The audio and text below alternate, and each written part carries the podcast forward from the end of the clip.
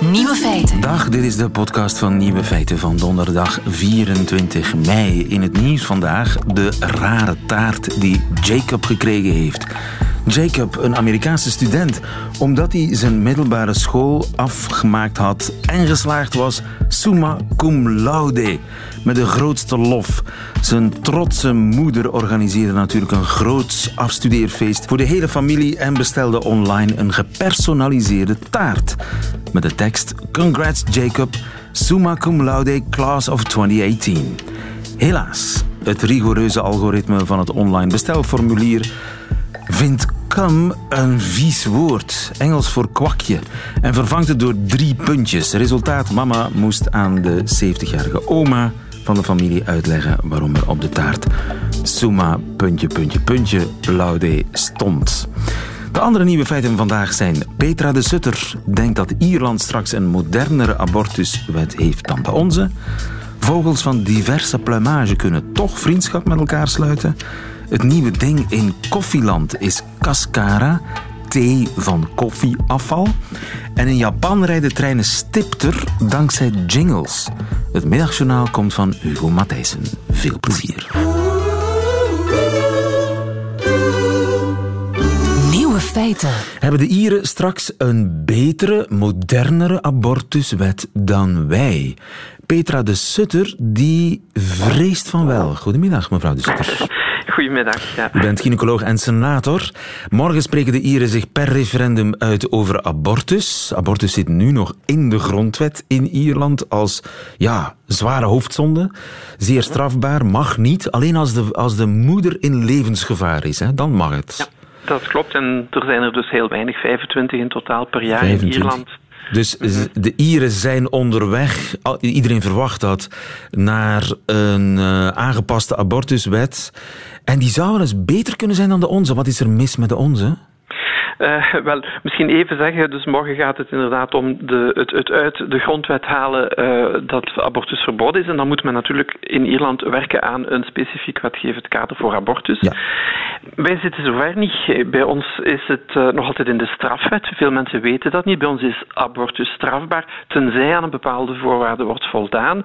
En er is een grote meerderheid van de Belgen en ook in het parlement die vindt dat eigenlijk de redenering omgekeerd moet worden. Abortus kan indien aan bepaalde voorwaarden wordt voldaan. Dat is dus echt wel een belangrijk verschil, want nu is het nog altijd een strafmisdrijf.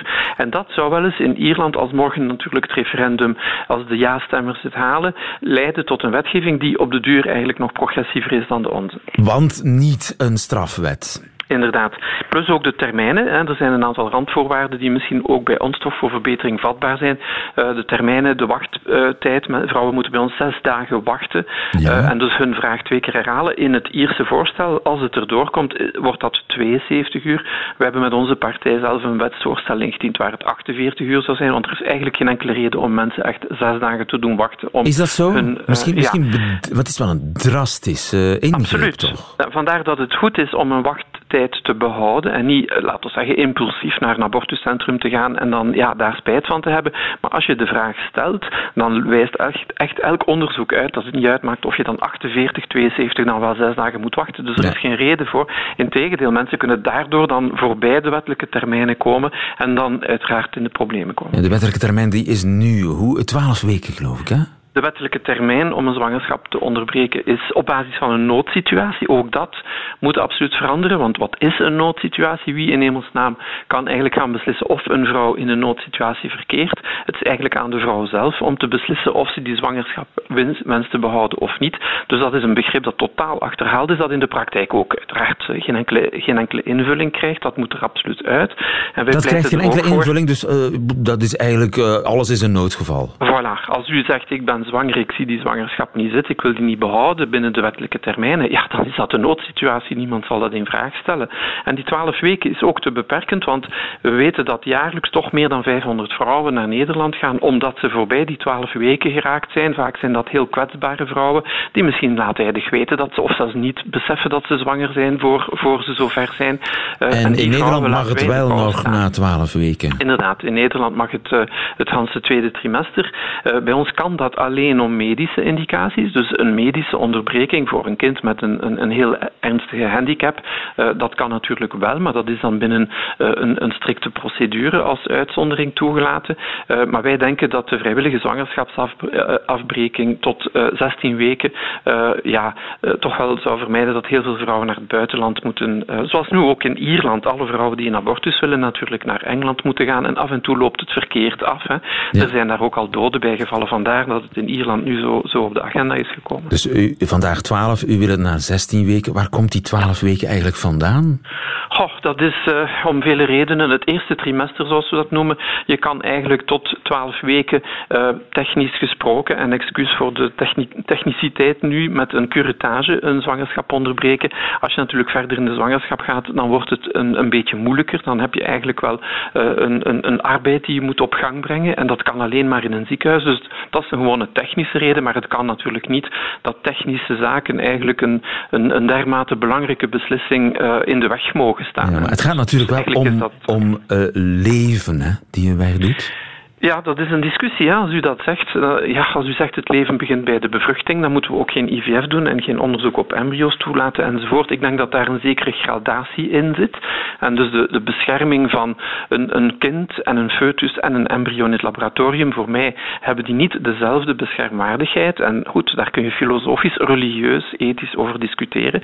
In België, in onze wetgeving, ook in de praktijk, bijvoorbeeld in fertiliteitscentra en in de materniteiten, hanteert men toch een, een meer gradatie graduele beschermwaardigheid, zeg maar. En dan is natuurlijk het bepalen van die grens heel arbitrair. Ik denk niet dat een foetus van 16 weken voor mij zo'n verschil maakt met een foetus van 12 weken. Maar daar kan natuurlijk over gediscuteerd worden. Als je zegt nee, inderdaad, dat is niet zo, dan is er echt geen reden om die termijn uh, op 12 weken te houden. maar het is, het is wel van belang dat er toch ja, remmen en grenzen aan zitten. Hè? Je wilt toch niet in een wereld uh, wonen nee. waar, waar kinderen in de buik uh, gewoon als, als een soort ja, heel makkelijk makkelijke ingreep. Uh, nee, het is niet zwart-wit. Dus er is niemand die ervoor pleit, omdat het uit de strafwet komt, om het te gaan beschouwen als een gewone medische ingreep, zoals het uh, trekken van een tand wordt dan wel eens gezegd. Dat zou natuurlijk nonsens zijn. Maar ik wil er even op wijzen dat we ook voor andere bioethische uh, onderwerpen, zoals euthanasie, maar zelfs voor IVF bijvoorbeeld, hebben we specifiek wettelijke kaders waarbij, als je daar buiten gaat, strafmaatregelen van toepassing zijn,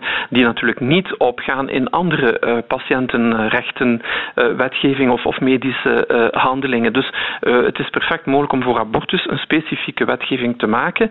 Niet in de strafwet, hè, maar wel duidelijk te zeggen: kijk, het kan als aan bepaalde voorwaarden wordt voldaan.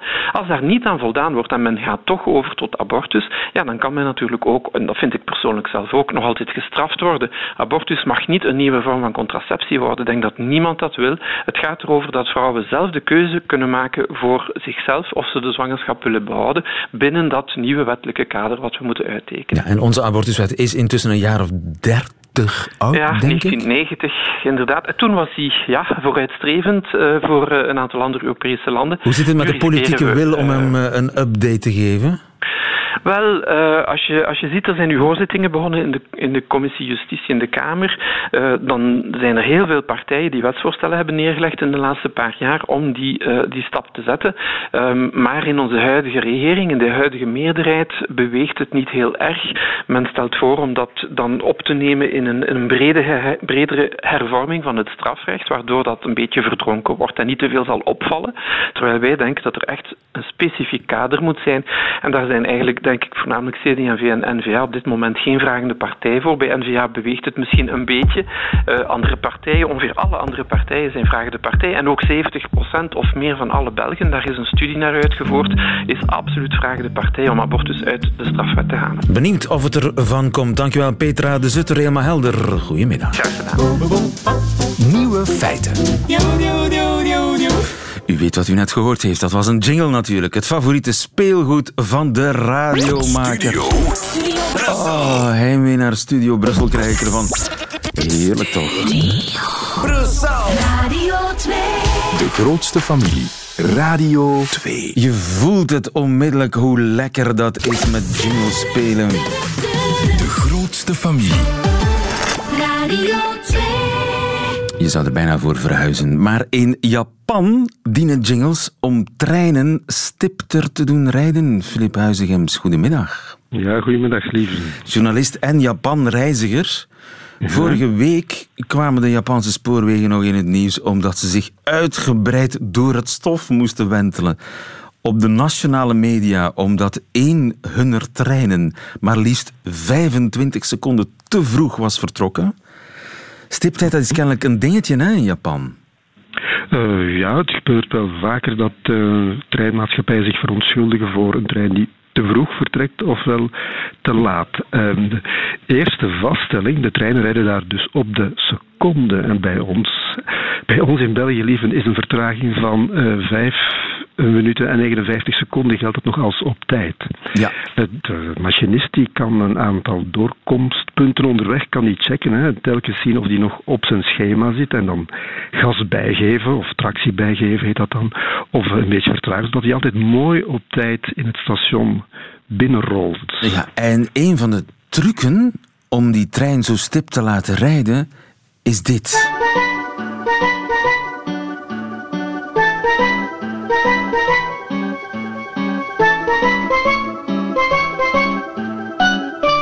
Het is een jingle. En Mhm. ehm, ik zou die meer associëren met een soort ijskoman. Ja. Maar wat betekent die jingle in, in Japanse stations? In, in- wel Ja. één station. Het is één specifiek station. Ja, elk station heeft zijn, zijn leidmotief. Hij heeft zijn eigen melodietje. Dat is zo'n elektronisch riedeltje. Dat duurt zeven seconden en dat eh, gebeurt eigenlijk, dat wordt gespeeld om eh, ja, een soort eh, crowd control te doen. Dat de mensen minder opgefokt eh, op de trein stappen of van de trein stappen. En men heeft al vastgesteld dat sinds die muziekjes spelen, dat er minder valpartijen en verstuikte enkels en botsingen tussen mensen eh, plaatsvinden. Ja. En we horen dus de derde man, dat, dat uh, van de derde Mhm. man. En dat is een tuentje van één bepaald station in Tokio, Ebizo. Ja. Mhm. En zo heeft elk station zijn eigen, eigen leidmotief, zijn eigen melodietje. Mhm. Dit is van een ander station. Wel rustgevend, hè? een beetje poppenkast ook. Ja. Ja, en, en op, af en toe eh, spreekt daar dan een vrouwenstem tussendoor die zegt: eh, Beste reiziger, het is regenachtig vandaag. Wij hopen echt dat u uw paraplu niet vergeten hebt, enzovoort. enzovoort. Eh, Er wordt echt in contact gemaakt met, eh, met wie aan boord is. En de bedoeling is dat mensen daar... r- Oké, oh, ja, oh, we- ご注意ください。 Ja, dat kudasai, hè. gelieve dit. Ja, ik heb nu de rest niet gehoord. Dus er komt ook altijd wel een stemmetje bij die. eh, ja, gelieve niet meer in te stappen, de deuren zullen sluiten. ah, was het dat? Ja. Dus, eh, neem, neem ik aan. Mijn Japans is ook niet meer wat het geweest is. Maar eh, bij ons heb je zo'n... En dat doet hij al als, als de deuren al aan het sluiten zijn. Hè. Vandaar dat Ja. mensen zich haasten. Mhm. Terwijl in Japan is er zo'n melodietje en pas na afloop van het melodietje gaan de deuren, weliswaar heel snel en onherroepelijk, dicht. Mhm. Ja, en dat ja. zorgt voor, een, voor rust in het station. Ja, zo is dat. Eh, zeg liever nog iets. eh, De treinen rijden niet alleen op de seconde juist, maar ook op de centimeter juist. Dus eh, de machinist zorgt er ook voor dat hij op een bepaald markeerpunt halt houdt. En de passagiers weten dan vooraf waar de deuren gaan komen. En dat is op het perron aangegeven met strepen. Dus, eh, Tot op de centimeter, tot op de seconde. En wat doen die blauwe lichtbakken aan het plafond? De blauwe lichtbakken. Ja? Ah, ja. Heb je ja, die gezien? Eh, ja, ja, ik heb die gezien. De, daar schijnt een soort ehm, zonnebankblauw schijn Ja. uit. Ja. En dat zou mensen ervan weerhouden ehm, op de sporen te springen. En eh, eh, een, een wanhelpsdaad te, te, te verrichten, zeg maar. Want het zijn anti-suïcidelampen. Ja, ja, er zijn eh, nog wel andere maatregelen tegen, tegen spoorspringers.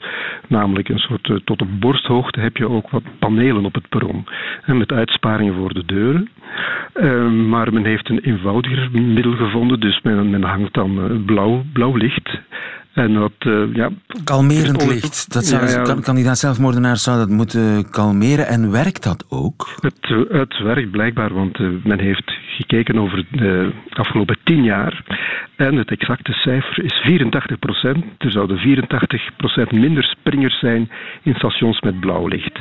Ja. Daarentegen zijn er wel meer springers in stations zonder blauw licht. Maar eh, ja, zo heeft men de vergelijking wel kunnen maken. Ja. Zeg, en Shishakanko, zegt jou dat wat? Shishakanko. Oh ja, ja, zeker. Dat is zo een, een pantomime die de treinbegeleider uh, uitvoert uh, voordat de trein vertrekt. Een pantomime? Uh, ja, pantomime. Hij spreekt wel hoor. De Shisakanko is wijs en spreek. Dus hij zegt zoiets als uh, wijs naar links en dan zegt hij het spoor is vrij aan die kant. Wijs naar rechts en dan zegt hij het spoor is vrij aan die kant. Iedereen is aan boord. En dan Yoshi, Yoshi, dat is oké. En dan gaan de deuren dicht. En dat, wijzen is cruciaal. Dat, dat doet ja, iets. Dat is niet, al, dat, dat is niet alleen een, een, performance, maar men gaat ervan uit dat als je je handelingen uh, motorisch hè, en, en, vocaal uh, uitvoert, dat je dan meer gefocust bent, dat je dan alerter bent, dat er geen storende gedachten op datzelfde moment je aandacht kunnen, uh, kunnen afleiden. Dus je moet wijzen en dan ja. zeggen wijzen en zeggen. Ja, met witte handschoenen gebeurt dat. Ja, ja. Dus ik, ik ga nu remmen. En dan naar de rem wijzen en dan remmen. Ja, ja dat is de, de machinist die dat doet. Hè, maar die, ook doet, de... die doet dat echt? Ja, ja, maar ook de, de, de conducteur, hè, voordat de trein vertrekt, die doet dat op het perron. En de, de machinist, je kunt die soms zien door het, door het raampje als je in de eerste wagon zit. En die, die, de, die doet dat ook, ja. Ook al zit hij alleen in zijn cabine, die doet dat toch? Ja, ja, zelf, ja, ja zelfs dan. Ja. Zo, zo plichtgetrouw zijn ze dan wel. En dat, dat beperkt het aantal menselijke fouten. Daardoor ga je doordachter handelen. Ja, inderdaad. Het gebeurt ook wel in de, in de Japanse fabrieken. Maar men heeft dat doorgetrokken naar de spoorwegen. Ja. Hoe is dat eigenlijk, de trein nemen in Japan, Flip? Als je één keer met een Japanse trein gereden hebt, wil je geen andere meer. is het ook een heel luxueuze ervaring? Een ja, ja, want je wordt in de watten gelegd van het moment dat je het station binnenkomt, uh, met heel behulpzaam personeel, tot je, tot je in je fauteuil zit. In je fauteuil, ja, zo durf ik het zelfs te noemen. Fauteuils in de Japanse treinen. Dringende uh, schoolreis, studiereis voor het uh, personeel van de NMBS richting Tokio, richting Japan. Ja, ik, uh, eigenlijk, eigenlijk zou je mij niet mogen bellen nu, maar onze permanente afgevaardigde van de NMBS en Infrabel in Tokio. En waar die heel veel zou kunnen opsteken. Maar er is niemand, dus moet je mij bellen. Ja, maar ze hebben geluisterd, Flip. Die troost hebben we. Dankjewel. En als je nog eens naar Japan gaat, ik zal aan je denken. Goedemiddag. Oké, okay, tot de dienst. Dag. Radio 1. Nieuwe feiten. Koffieafval is tegenwoordig meer geld waard dan koffie zelf. Jens Krabbe, goedemiddag. Goedemiddag. Je bent de oprichter van de koffiezaak Mok. En jij brouwt cascara. Wat is cascara? Cascara is eigenlijk Spaans voor schil of, of bolster. En in dit geval is dat de, de schil van de, de koffiekers. De schil van de koffiekers en die werd vroeger gewoon weggesmeten. Um, die wordt nog steeds merendeels weggesmeten eigenlijk, ja. Um, ze, gebruiken, ze gebruiken de schil in origine of op de plantage eigenlijk voor hun, um, voor hun land te bemesten. dan laten ze eigenlijk de, de, de schillen, wat eigenlijk het afval is, inderdaad van uh, de koffieproductie composteren. En dat gaan ze dan gebruiken om hun uh, land of hun planten te bemesten. Maar toch wordt er meer en meer geld voor betaald. Absoluut. Uh, cascara is tegenwoordig echt of kan ongelooflijk duur zijn en vaak eigenlijk duurder dan de, koffie, dan de koffieboon zelf. En wat kun je daarmee doen? Um, je kan er infusies van maken, een beetje gebruiken zoals een, zoals een thee eigenlijk. Dat kan zowel um, warm als koud. En we hebben er in het verleden eens een, een bier mee gebrouwen. Bier? Um, op dit moment, ja, inderdaad. Dat was een weddenschap of zo? nee, nee, absoluut niet. het is zo dat in de, in de koffiewereld veel koffiebranders bier met, met koffiesmaak proberen te maken of maken. Um, en ik had daar zelf ook interesse in. En dan eigenlijk met een paar, met een paar vrienden zeg maar, in de tijd uh, erover aan het nadenken om dat, eens, om dat eens te testen. En tijdens onze zoektocht naar een ideaal recept om koffie in bier te infuseren of om bier te brouwen met koffie in, wat mm. eigenlijk echt niet evident is. Want, ja, en was het een beetje te zuipen? Um, het koffiebier of het cascara bier? Ja, allebei. Um, het cascara bier is beter gelukt dan um, het koffiebier. Eigenlijk. Dus het is vrij moeilijk om koffie te mixen met andere dranken, vind ik. Ik vind niet dat koffie zich daar super goed toe leent. Het is wel mogelijk. Um, er zijn zeker interessante drankjes op de markt waar, dat, waar dat koffie in zit. Maar om dat nu in bier te gaan steken, zeg maar, um, dat wordt nogal snel heel, heel zwaar. Ja, ja. Maar eigenlijk is het vooral de bedoeling om van die cascara thee te zetten en koffie, ja. thee van koffie als het ware. En waar, waar, waar, smaakt dat naar? Um, het heeft echt wel een heel duidelijk hibiscusachtige, een hibiscusachtig aroma eigenlijk. Heel thee. Ja, vrij kruidig, zoet. Um, het heeft een heel fijne aciditeit, vind ik ook, maar vooral een intense, een intense zoetheid eigenlijk. Ja, en, en kan je dat bij jou drinken in mok? Um, dat kan je op dit moment niet bestellen, nee. Oei. we, hebben dat, we hebben dat af en toe wel eens in stok. Um, ook ons bier bijvoorbeeld is um, niet in stok op dit moment. Dat is iets wat we af en toe Oh, maar wacht eens. Mijn producer komt hier net binnen met een zakje. Kijk eens hoe efficiënt en snel wij kunnen werken. Ik heb het in mijn handen. Dat komt toch niet van bij ons, zeker? Ja, dat weet ik niet. Dat, eh, dat moet ik aan mijn producer... Waar komt het vandaan? Nee, nee dat, dat, dat, komt van bij ons inderdaad. Ah, ik heb het aan uw collega, aan uw collega meegegeven. We hadden nog een, beetje, nog een beetje overschot liggen van het bier dat we gebrouwen hebben. Oké. Het zijn inderdaad schilletjes. Ja, degene die jij in handen hebt, zijn geloof ik de gemalen. Die zijn eigenlijk in, stukjes. Dat zijn niet de volledige, niet de volledige kersen. Dan moet ik straks toch... En kan ik daar gewoon heet water op gieten? Ja, je kan het zelfs gewoon in je mond steken als je wil. Je kan ah, gewoon eh, een beetje op kouwen en dan ga je al een heel duidelijk idee krijgen van de smaak. Het is nu niet de bedoeling dat je dat gaat inslikken, maar als je zo'n paar pelletjes um, in je mond neemt, zeg maar, ga je al een duidelijk beeld krijgen van de, van de smaak. Ja, inderdaad. Um, zoetzurig, zo. Ja, inderdaad. Heel, ik vind dat een heel diepe zoetheid heeft en toch een uh, fijne aciditeit ook. Ja, ja. Ik um, zie wat je bedoelt. Ik kan het wel terug uitspuwen. ja. Oké. Nee, nee. Uh, maar dus je kan het tegenwoordig eigenlijk niet krijgen. Is het illegaal of zo? Um, er is inderdaad wat controverse rond. Het is op dit moment niet helemaal duidelijk hoe legaal het is. Um, cascara wordt voorlopig uh, um, onder de categorie novel foods geplaatst. Mm -hmm. dat zijn eigenlijk ja, nieuwe, ontwikkeld of ontdekte producten van buiten de EU. zoals bijvoorbeeld in het verleden zijn dat chiazaden geweest of, uh, of stevia bijvoorbeeld. Dus dat moet nog uh, geautoriseerd worden voor menselijke consumptie in principe. Het is nog allemaal niet nieuw, maar is het stimulerend dan wel kalmerend? Um, het is toch wel stimulerend, inderdaad. Men dacht, of ik dacht zelf ook in het verleden, dat er heel veel cafeïne in cascara zat. En dat was dan eerder uit eigen ondervinding. Um, zeker als je daar een groot glas thee van drinkt bijvoorbeeld. Ik had toch het gevoel dat daar heel veel cafeïne in zat. Maar eigenlijk na um, wetenschappelijke tests, zeg maar, of onderzoek, um, is gebleken dat er eigenlijk minder cafeïne zit in de kers dan in de koffiepit. Ja, maar toch een beetje? ja, een beetje. Het is eigenlijk iets... Allee, als je het gaat bekijken per, per liter, zou er in een liter cascara, als je dat zou brouwen met 60 gram effectieve cascara, zou er 330 milligram per liter cafeïne um, in het drankje zitten. En bij koffie is dat toch al snel tussen de 4 à 800 milligram per liter, naar gelang welke, welke bonen voor Maar het, het is lekker, het is hip, het zou het nieuwe grote ding kunnen worden bij de baristas uh, en in de hippe koffiebars in New York en zijstraten. En het is iets wat op koffieplantages uh, decennia lang gewoon werd weggegooid.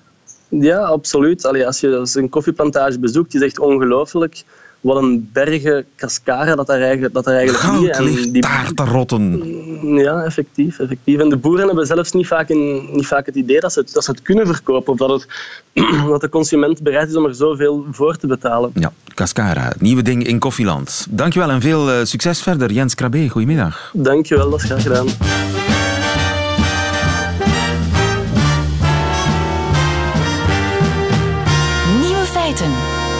Vriendschap tussen een merel en een mus. Zou dat mogelijk zijn? Ik vraag het mij af, want in Australië hebben ze onderzocht of vogels van diverse pluimage elkaar kunnen herkennen en samenwerken. Erik Matthijssen, goedemiddag. Ja, goeiedag. Bioloog aan de Universiteit van Antwerpen en groot vogelkenner. Uh, het onderzoek vond plaats in Australië, in een natuurreservaat, bij twee verschillende soorten vogels, twee verschillende soorten elfjes eigenlijk. Prachtelfjes en bonte elfjes. En ik moet zeggen, ik kende die vogeltjes niet. ik heb ze eens gegoogeld. Dat zijn fantastische beesten, hè? Ja, daar, uh, daar kunnen we eigenlijk wel een beetje jaloers op zijn. Zo zouden mezen wel, eruit moeten zien. Ja, we hebben ook wel mooie vogels. Als je kijkt naar onze staartmezen bijvoorbeeld, toch ook heel vaak voorkomend in tuinen. Dat zijn ook heel mooie vogeltjes. Maar zo'n prachtelfje, dat is volledig blauw. Zo van dat lapis lazuli blauw. Ja. Echt knalblauw. Bonte elfje is, is uh, veelkleurig. Eh, en, en die beesten komen alleen in Australië voor? Ja, dat klopt. Uh, ja. Dat is een, een, een, type vogel die wij, die wij hier niet vinden. En, en wat ja, wat heel interessant is in het onderzoek, is dat ze die twee soorten elfjes hebben, die ja, nogal op elkaar lijken qua gedrag en, en het soort biotoop dat ze nodig hebben, maar ook eigenlijk heel goed kunnen samenleven. En, en dat is wel heel bijzonder. Ja. Uh, je hebt eigenlijk groepjes van de ene soort die dan een territorium verdedigen dat precies overeenkomt met een groepje van een andere soort. Ja, maar dat zijn groepjes. Hè? En die onderzoekers hebben nu gekeken of bepaalde individuen elkaar kunnen luchten of niet. Ja, en eigenlijk is dat niet zo verwonderlijk, want die vogels brengen ook veel tijd samen door. En dat is op zich niet zo uniek. Uh, dat zien we bij ons bijvoorbeeld ook bij vogels in de winter, waar je heel vaak in een bos opeens zo'n hele groep hebt van mezen, goudhaantjes, boomkruipers, tot vijf, zes, zeven verschillende soorten. En die trekken ook samen rond. Um, in dit geval in Australië brengen die vogels echt wel heel veel tijd samen door, omdat ze dus heel het jaar rond in hun gezamenlijke territoria leven. En dan ja, is het niet zo verwonderlijk dat ze elkaar uh, kunnen herkennen. Ik zou zeggen, het is eigenlijk bijzonder dat het zo lang geduurd heeft tot, tot iemand dat ergens bij een vogelsoort heeft getest en dan ook heeft kunnen bevestigen. Ja, en ze hebben dat getest met geluidsopnames. Hoe hebben ze dat gedaan? Ja, dat is op zich niet zo uh, moeilijk eigenlijk. Uh, die, die, elke vogel zingt een klein beetje anders. Wij horen dat natuurlijk niet echt.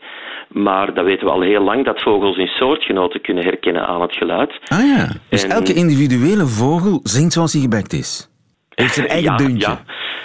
Ja, eh, dus dat is een, een klassiek experiment dat al heel veel gedaan is, ook bij, bij vogels zoals hier, roodborsten, koolmezen. Um, als je een uh, geluid opneemt van een vogel en je speelt dat af uh, bij zijn buur, dan zal die anders reageren dan wanneer je dat afspeelt voor een totaal onbekende vogel. Ah, ja. Dus uh, dat weten we eigenlijk al wel een tijdje, dat ze hun soortgenoten op het geluid en allicht ook op het zicht kunnen herkennen. Ja. En dus in dit geval hebben ze geluiden opgenomen van een aantal uh, individuele vogels. En dan hebben ze dat geluid afgespeeld. Uh, dus voor een bepaalde vogel hebben ze het geluid een keer afgespeeld van hun eigen soort. Ehm, dan van de vogel van de andere soort die altijd mee in hun, in hun groep uh, rondtrekt. Dus eigenlijk een, een, collega van de andere soort. Ja. En dan ook geluiden van andere vogels, van andere vogels uit het gebied, waar ze dus normaal niet dagelijks mee optrekken. Ja, ja. En dan zie je dat ze veel agressiever reageren op die zogenaamde indringers, dus het geluid van een vogel die ze eigenlijk normaal gezien niet kennen. Ja, dus ze haten eigenlijk vreemdelingen, behalve de vreemdelingen die ze kennen, hun buur. Want dat is een goede ja, vreemdeling. Ja, het zijn zelfs meer dan buren. Eigenlijk zijn het een soort uh, gemengde, gemengde groepen. Hè. Het is een beetje een pleidooi voor diversiteit. Het zijn eigenlijk sociale groepen van twee vogelsoorten die eigenlijk veel tijd samen doorbrengen. En dan, ja, je zou bijna kunnen zeggen, elkaar ook een handje helpen door uh, te zorgen dat ieder op zijn eigen plek uh, blijft. Ja, ja. Dus eigenlijk zijn vogels net als mensen. In sommige opzichten wel, in andere opzichten is dat minder het geval, dat klopt, ja. En zou dat nu ook voor Vlaamse vogels gelden? Bijvoorbeeld, kan, kan een kraai een bijzondere band ontwikkelen met een, eh, met een mus? Wel, de omstandigheden zijn toch wel vrij specifiek. Um, het is zeker niet onmogelijk, maar je zou eigenlijk uh, vogels moeten hebben die ook heel veel tijd echt in dezelfde territoria doorbrengen. En een kraai bijvoorbeeld heeft een veel groter gebied dan een mus. En ook die die zoeken niet samen naar voedsel. Dus die hebben eigenlijk ook weinig interacties. Um, ik zou het eerder verwachten bij bepaalde soorten mezen, die in de winter ook wel vaak in dezelfde groepen zitten, ook een beetje vergelijkbaar gedrag hebben, hetzelfde voedsel gebruiken enzovoort. Maar ik denk niet dat wij meteen uh, soorten hebben die zo jaar in, jaar uit, elke, elke dag eigenlijk met dezelfde collega's van een andere soort optrekken. Maar goed, uh, diversiteit is een zegen onder de elfjessoorten in Australië. Dat is in elk geval bewezen. Dankjewel, Erik Matthijssen. Goedemiddag. Ja, graag gedaan. Nieuwe feiten. Middagjournaal. Het kwam hard aan. Boris, de hond uit Winteruur, is niet meer. Het brave beest dat de donkere dagen draaglijk maakte, is voor eeuwig uitgekwispeld. Het is een zwarte dag voor elke literatuurliefhebber. Boris was een lieve, bescheiden tv-hond. Hij had niet dat uitsloverige van Lassie, de overijverige collie met een hulpverlenersyndroom. In tegenstelling tot Neroke, het neurotische mormel van Carmen, gaf hij niet om uiterlijke schijn. En laten we maar zwijgen over die andere tv-hond, die eigenlijk niet eens een hond is, en die onze kinderen, dat weten we sinds gisteren, kankerverwekkende boterhamworst wil aansmeren. Boris paste wonderwel bij Wim Helzen, misschien omdat Wim ook wel iets van een slome hond heeft, zowel qua oogopslag als qua karakter. Wim lijkt mij in staat om bij ieder weerzien zijn vrienden en vriendinnen uitbundig af te likken. Ik weet niet of hij dat doet, maar als hij het doet, zal niemand hem dat kwalijk nemen. Dan gebeurt dat met de beste bedoelingen. Boris laat een leemte na. Boris is onvervangbaar. En daarom hoop ik dat het team van Winteruur een bekwame taxidermist vindt. Uiteraard zal Boris dan steeds bewegingloos in het decor zitten, maar toen hij nog leefde was dat ook meestal het geval. En ik zie hem daar al zitten, in die sofa, met een boek in de voorpoten, alsof hij meeleest met de gast van de dag. Bladzijden omdraaien wordt misschien wat ingewikkeld, maar misschien kan hij, af en toe knipperend, met zijn glazen oogjes de tekst volgen en begrijpend knikken als er iets verstandigs wordt gezegd. Met een simpel mechanisme, een veer en een eindje visdraad of zoiets, moet dat mogelijk zijn. En het zou van respect getuigen indien men het innerlijk van Boris zou opvullen met proppen kwaliteitspapier, afkomstig uit de bundels van onze Vlaamse dichters.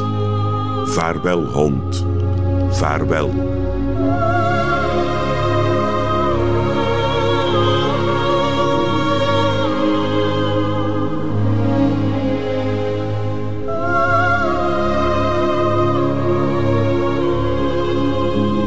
Voor Boris Hugo Matthijssen in het middagjournaal. Meteen het einde van deze podcast. Maar u vindt er nog veel meer op radio1.be en op de gebruikelijke podcastkanalen. Tot de volgende keer.